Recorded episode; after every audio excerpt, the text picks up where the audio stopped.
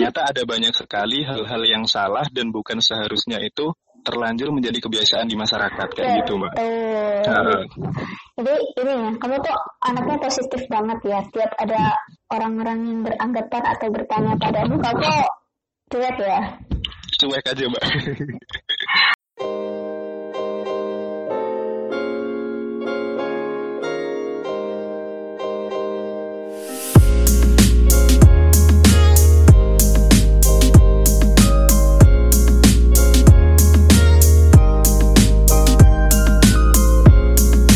Hai semua. Setelah kemarin aku bahas atau aku cerita tentang mengapa aku memilih jurusan Bahasa Indonesia atau alasan aku memilih jurusan ini, di episode kali ini aku ingin membahas lebih dalam jurusan Bahasa Indonesia ini, tepatnya pendidikan Bahasa Indonesia. Tapi aku nggak sendiri, nggak ngobrol sendiri atau ngomong sendiri karena kali ini aku ingin kolaborasi sama teman aku satu kelas di program Magister Pendidikan Bahasa Indonesia. Jadi langsung saja yuk kita cuap-cuap. Aku lagi ngobrol sama temanku satu kelas, satu kelas di S2 gitu ya? Iya, uh, jadi uh saya satu kelas sama Mbak Vera di S2. Iya, jadi dia itu angkatan di bawahku ya S1. Ya, uh, dua tahun ya. Dua tahun di bawahnya. Dua tahun, terus kita akhirnya satu kelas di pasca sarjana ini teman sekelas. Dulu S1-nya juga di UM ya. Hmm, sama. Sama. Sekarang kita mau ngomongin apa nih? Kita ngomongin tentang jurusan bahasa Indonesia. Jadi kalau ngobrolnya cuma sendiri alias nanti ngomong sendiri cuap-cuap sendiri pasti bosan jadinya aku ngajak temanku yang sama-sama menekuni jurusan bahasa Indonesia ya. Jadi dulu kamu SMA kepikiran milih jurusan apa? Langsung jurusan SMA? Eh jurusan SMA langsung milih jurusan bahasa Indonesia atau yang lain tuh? Nah jadi uh, dulu itu ketika pas SMA sebenarnya saya saya itu pengen kuliah jurusan bahasa Inggris. Nah sebenarnya pengen bahasa Inggris mbak, tapi hmm. berhubung uh, berhubung hasil pengumumannya berkata lain, jadi masuklah saya di jurusan bahasa Indonesia. Jadi pilihan pertama itu sebenarnya bahasa Inggris, terus yang kedua itu baru bahasa Indonesia gitu, Mbak. Kamu pakai jalur apa dulu? Jalur mandiri. Mandiri. Itu uh, yang terakhir ya? Yang terakhir, yang diadakan sama kampusnya sendiri itu. Oh, tapi memang pengennya di UM. Pengennya di UM. Oh iya. Jadi gini ya, uh, dulu kamu masuknya pakai jalur mandiri. Jalur nah, mandiri. Uh, kalau aku dulu masuknya jalur undangan, jadi pakai nilai rapor. Jadi so, kamu anak IPS apa kita? IPS, IPS mbak. Oh iya sama IPS. jadi aku dulu pakai nilai rapor, milih dua kampus, satu kampusnya dua jurusan. Jadi seperti yang di podcastku awal, aku milih jurusan bahasa Indonesia itu atas rekomendasi dari guruku. Katanya bermodalkan cerewet dan suka nulis, jadinya harus milih jurusan itu, game. Hmm, ya, benar. Ya benar juga sih kan di bahasa Indonesia juga mempelajari hal-hal seperti itu kayak kemampuan-kemampuan kita dalam berbahasa gitu. Jadi ini mohon maaf ya teman-teman, kita ngomongnya agak kaku padahal tadi sebelum sebelum kita mulai ini udah bercanda dulu. Iya. Jadi ngomong-ngomong, eh, aku manggilnya Kim, tapi namanya Rifki. Hmm. Asli kamu mana Kim? Bojonegoro mbak. Ya, jadi kita ah, sama-sama Jawa Timur mas itu. Nah, ah, di Jawa berasal sama. Ada yang nggak tahu mbak. Oh. Tidak tahu karena Bojonegoro malah Sumatera. malah ada yang ada yang tanya, apa masih Jawa Timur ya Bojonegoro itu? Loh Bojonegoro itu masih Jawa Timur. Waduh. Parah nih. Jadi kita tuh sama-sama berasal dari kota yang berawalan huruf B. Aku Blitar, Kakim, Bojonegoro. Ya udah, ini tadi hanya basa-basi. Jadi pas kamu masuk itu ada ada anggapan dari orang-orang nggak -orang, soalnya ya kayak gini ya kalau kita ketemu sama orang atau pas lebaran lah misalnya itu pasti ditanyain kuliah di mana? Jurusannya apa? Gitu kan. Oh, jurusan bahasa Indonesia kenapa nggak ambil bahasa Inggris aja? Keren. Kenapa nggak ngambil matematika? Kayak itu tuh. Pinter apa? Pinter hitung hitungan bahasa Indonesia apa yang dipelajari? Itu kayak ada anggapan kayak gitu nggak dari orang-orang? Nah e, kalau untuk anggapan kayak gitu Uh, saya kira pasti ada mbak. Tiap jurusan itu pasti ada. Nah hmm. tergantung kita menyikapinya aja. Kalau biasanya kan orang-orang bilangnya gini masa orang masa orang Indonesia uh, belajar bahasa Indonesia nah, gitu kan? Nah biasanya kan gitu kebanyakan. Nah kalau saya sih kalau saya sih ya ya santai aja. Terus uh, padahal uh, gimana ya kayak uh, stigma stigma bahwa bahwa bahwa kita orang Indonesia kok belajar bahasa Indonesia itu emang salah gitu. Kan sebenarnya nggak masalah kan? Ya, jadi malah uh, jadi malah sebenarnya uh, ketika saya saya itu baru menyadari ketika ketika sudah kuliah mm-hmm. ternyata ada banyak sekali hal-hal yang salah dan bukan seharusnya itu terlanjur menjadi kebiasaan di masyarakat kayak yeah, gitu mbak. Uh. Jadi ini ya kamu tuh anaknya positif banget ya. Tiap ada orang-orang yang beranggapan atau bertanya padamu kamu cuek ya. Cuek aja mbak. itu karena, ya, karena pasti uh, karena karena sih pasti setiap jurusan punya punya punya nilainya sendiri-sendiri, punya nilai plusnya sendiri-sendiri ya gitu. Mm-hmm. Tapi kayaknya alibi yang ini uh, pas-pas ditanyain ngapain jurusan bahasa Indonesia? Kan kamu dari kecil udah belajar bahasa Indonesia. Terus nanti kan kita orang Indonesia harus belajar bahasa Indonesia dan kayaknya tuh alibi yang gimana ya? Kurang nendang gitu. Jadinya kita kayaknya harus buktiin seperti apa. Kalau kita tuh benar-benar uh, jurusan ini tuh benar-benar patut dibanggakan gitu loh. Nggak kalah sama matematika nggak kalah sama uh, teknik kayak gitu. Nggak kalah sama kedokteran kayak gitu. Jadi menurut ya. kamu tuh gimana kalau saya sendiri sih kayak gini, uh, selama saya selama saya belajar bahasa Indonesia di kul, di di bangku kuliah ini, mm-hmm. ternyata banyak sekali hal-hal yang sudah menjadi kebiasaan di masyarakat dan itu di, terlanjur dianggap salah. Nah, mm-hmm. saya kira itu saya saya kira itu malah malah ironis. Oh, benar dianggap benar. Nah, jadi saya kira itu malah sebuah ironi kan. Mm-hmm. Kita orang Indonesia tapi tapi kita uh, tapi kita apa ya kayak menganggap benar sesuatu yang salah ya, dari bahasa benar, Indonesia benar. itu sendiri kayak gitu banyak sekali uh, banyak sekali kayak kalimat kalimat-kalimat bahasa-bahasa hmm. atau yang sering diucapkan itu padahal se sebenarnya salah kayak gitu ya. nah itu kan uh, ironi kan gitu mbak hmm. kita yang jurusan bahasa Indonesia aja masih suka salah bukan masih tapi masih banyak salah kayak kita tuh ngomong seperti ini ya pakai kata ke terus nanti ada campur Jawa sebenarnya kan ini bukan bahasa Indonesia yang istilahnya yang benar ya digunakan sesuai kaidah gitu ya. Jadi, nah, benar. Uh, uh, jadi bahasa Indonesia tuh apa ya? rumit kalau aku kira tuh rumit gitu soalnya dulu pas kuliah kalian pernah ngerasa stres nggak sih ah kayaknya aku kejebak deh yang bilangnya orang-orang tuh jurusan ini mudah eh Iya aja, lagi aku dapet C plus. Ternyata nggak semudah yang dibayangkan orang-orang baik. Hmm.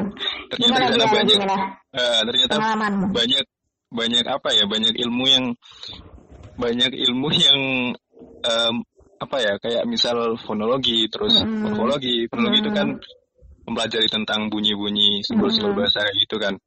Terus morfologi juga itu unsur terkecil dari bahasa. Ternyata hmm. kalau kita pelajari bikin bikin rumit juga, bikin bikin pusing juga kayak gitu. Pernah kamu ngerasa stres gak waktu dulu S1 kayak gitu? Atau selama, pas selama kuliah ini deh? Uh, kalau untuk stres sendiri sih mungkin uh, tinggal kita bawa bawanya hmm. pembawanya aja ya mbak ya hmm. tapi tapi stres stres pasti ada uh, kayak misal kita mempelajari satu hal yang baru dan itu masih perlu adaptasi pasti kita uh, apa ya kayak perlu waktu lah untuk mempelajari kayak gitu. Iya benar-benar. Dulu aku uh, semester awal sih ngiranya tuh kayak benar-benar ini kayaknya aku salah jurusan banget deh. Susah banget gitu maksudnya tuh susah sedangkan teman-temanku tuh kayaknya pro banget gitu loh masuk jurusan ini atas kehendak diri sendiri uh, atas keinginan sendiri.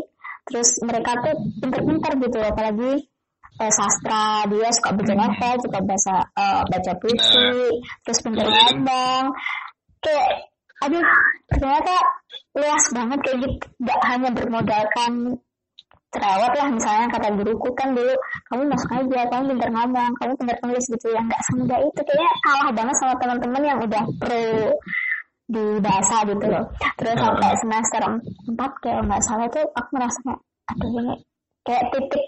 Karena kan ada sih cerita-cerita ya. Kalau kuliah tuh pasti ada titik-titik beratnya kan. Jadi titik berat itu kayaknya di semester empat nih merasa kayak aduh beneran jurusan yang ku ambil gak sih? Kayaknya sulit banget kayak gitu. Kamu juga ngerasa kayak gitu? Sama mbak. Ya ya sekitaran semester empat lima itu uh, di situ apa ya IP IP IP ku mulai turun. Kan hmm. kan dari semester satu dua tiga itu ya lumayan lah. Terus tiga terus empat lima empat lima itu mulai turun. Ya mungkin karena faktor uh, itu tadi. Terus uh, terus untuk yang lain lagi itu mungkin juga saya saya aktif di salah satu organisasi juga. Ya mungkin di situ masa-masa di mana kuliah itu uh, apa ya? Beban ya. kayak gitu bener mbak. Sedikit beban tapi kamu udah lanjutin S2 jurusannya sama lagi. Jurusannya sama lagi. Gini um, gini gini kira-kira ini untuk teman-teman sih bukan kira-kira ya untuk teman-teman yang misalkan dia anak SMA yang mau memilih juru eh, yang mau memilih jurusan yang mau kuliah atau teman-teman kita yang masih awam sama jurusan bahasa kira-kira yang dipelajari selama kuliah di bahasa Indonesia itu apa? Kalau kamu nah. coba terangkan sama teman-teman gitu.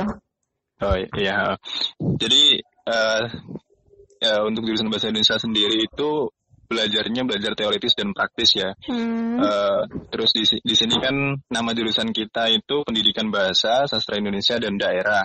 Nah hmm. untuk untuk segmentasi pendidikannya ini kita mempelajari tentang eh, hal-hal uh, tentang pendidikan. Hmm. Uh, misalnya kayak bagaimana bagaimana menyiapkan sebuah pembelajaran yang baik, kemudian bagaimana melakukan pembelajaran yang baik, kemudian mengevaluasinya kayak gitu.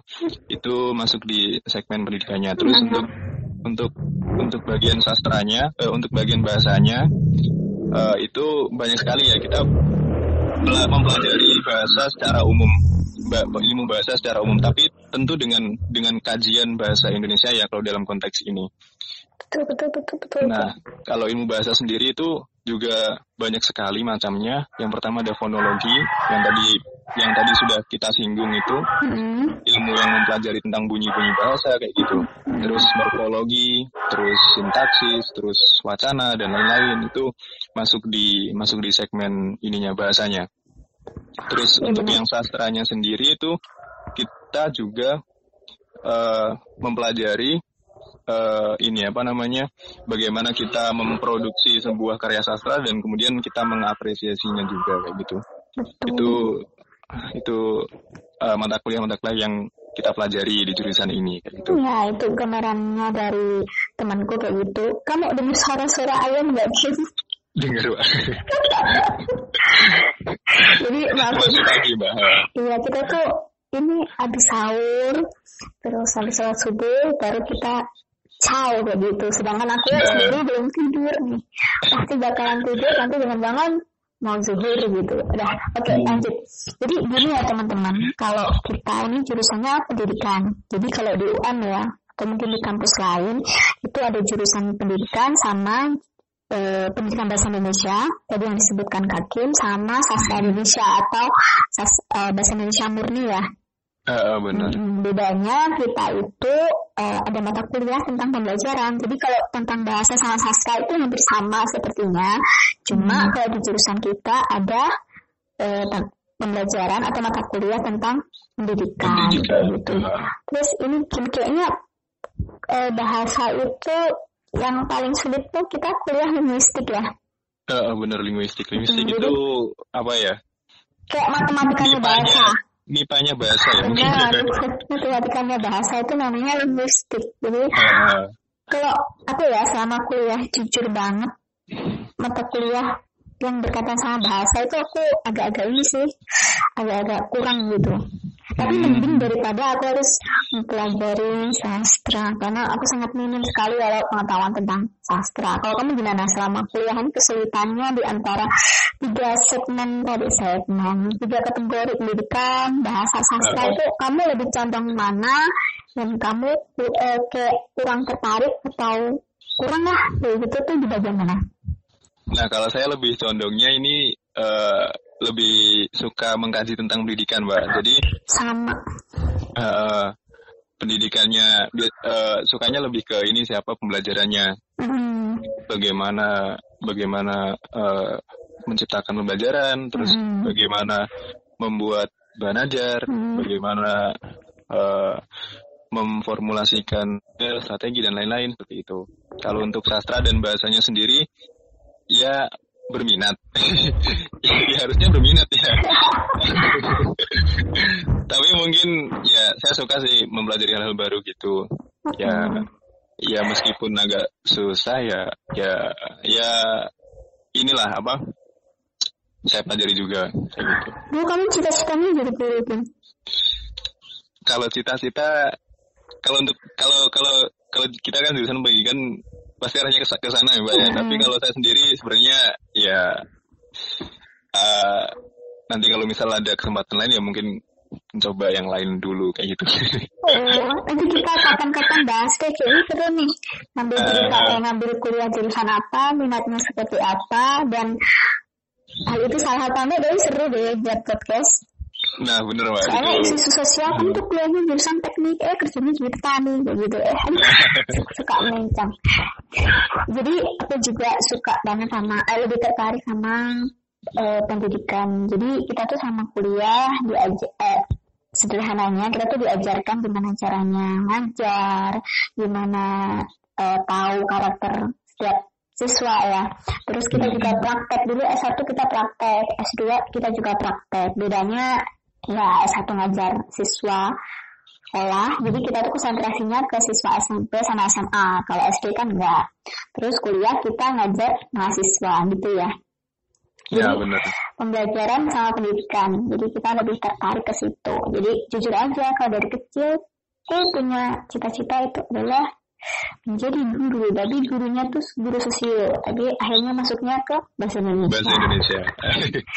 Kayak gitu. Terus ini eh dulu dulu ya eh, dulu kita itu jurusan bahasa Indonesia tapi ada peminatan ya enggak Hmm, benar ya. Jadi kita tuh uh, ini nanti menjawab pertanyaan yang emang jadi di jurusan bahasa Indonesia kita harus jadi guru. Jadi ya, ini jawabannya dari sini. Jadi peminatan. Kalau di kampus kita peminatannya bahasa daerah ya. Bahasa hmm. daerah, jurnalistik, terus IPA, bahasa drama. Uh -uh. Kalau BIPA um, ini banyak peminatnya sih sekarang. Lumayan uh, BIPA uh -uh. ini. Terus peluangnya ke depan, masa depannya tuh kayaknya terang gitu. Uh, BIPA, drama, perpustakaan, jurnalistik ya. Sama kepenyuntingan. Oh, kamu dulu ada? Uh, ada kepenyuntingan. Hmm, kalau ada aku masuk itu deh. Kamu dulu masuk apa? Dulu. Aku dulu ngambil jurnalistik, Mbak ambil jurnalistik. Wah, aku kira kamu ngambil jurusan BIPA. Soalnya kamu kan gak jago bahasa Inggris sih, Kim. Ya, lumayan sih. Ya, jadi BIPA itu bahasa Indonesia penutur asing ya? Iya benar, bahasa Indonesia. Hmm, jadi BIPA.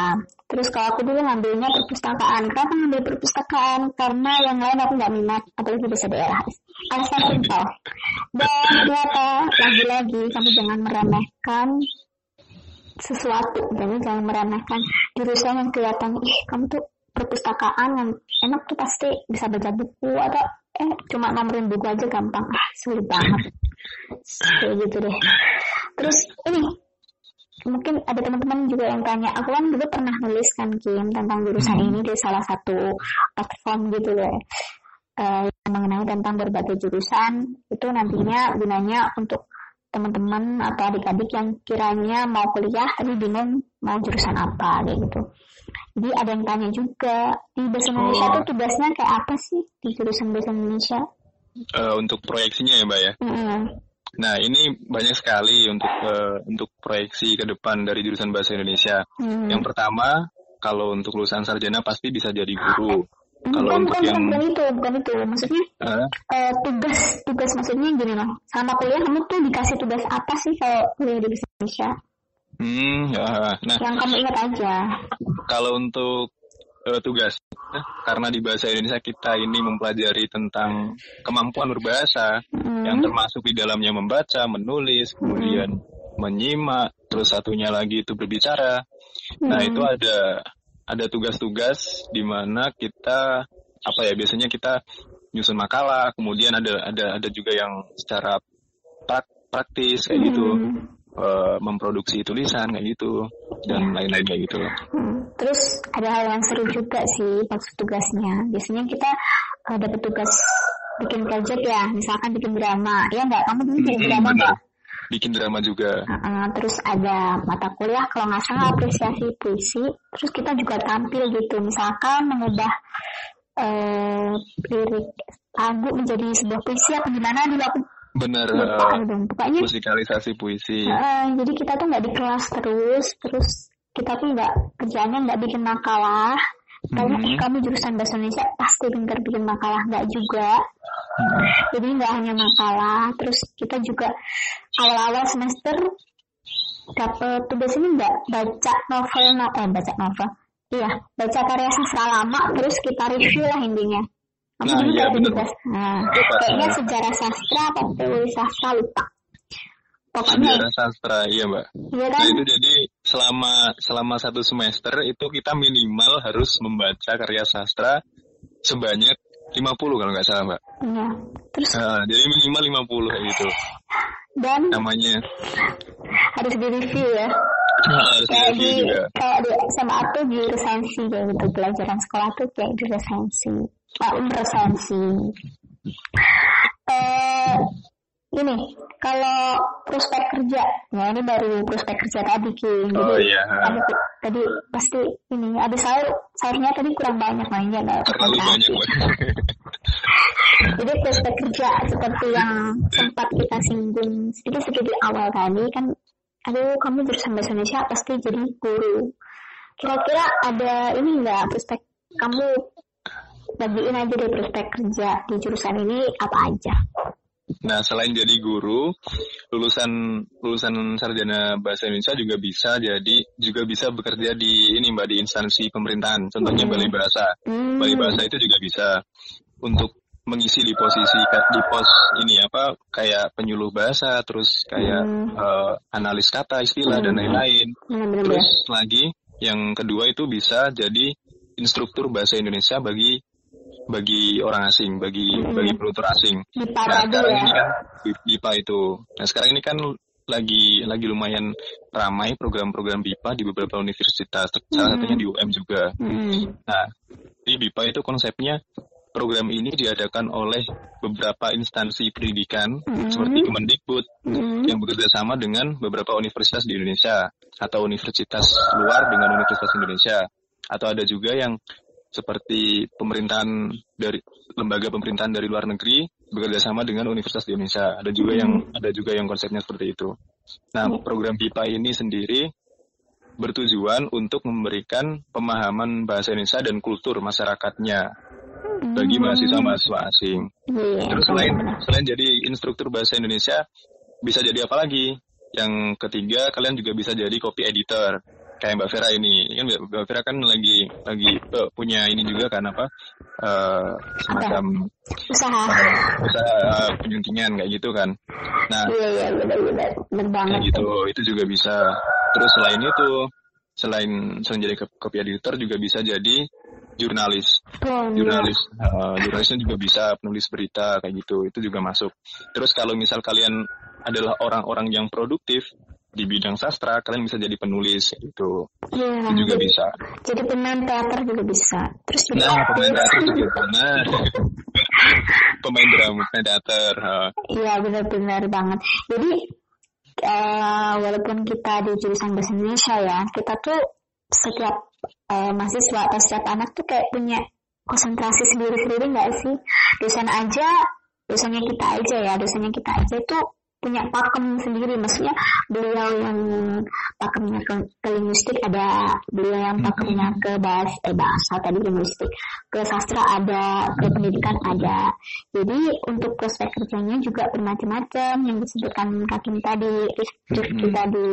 Misalkan tadi jadi instruktur apa infrastruktur jadi instruktur BIPA. Iya instruktur BIPA. karena lumayan banyak orang-orang asing yang tertarik sama bahasa Indonesia.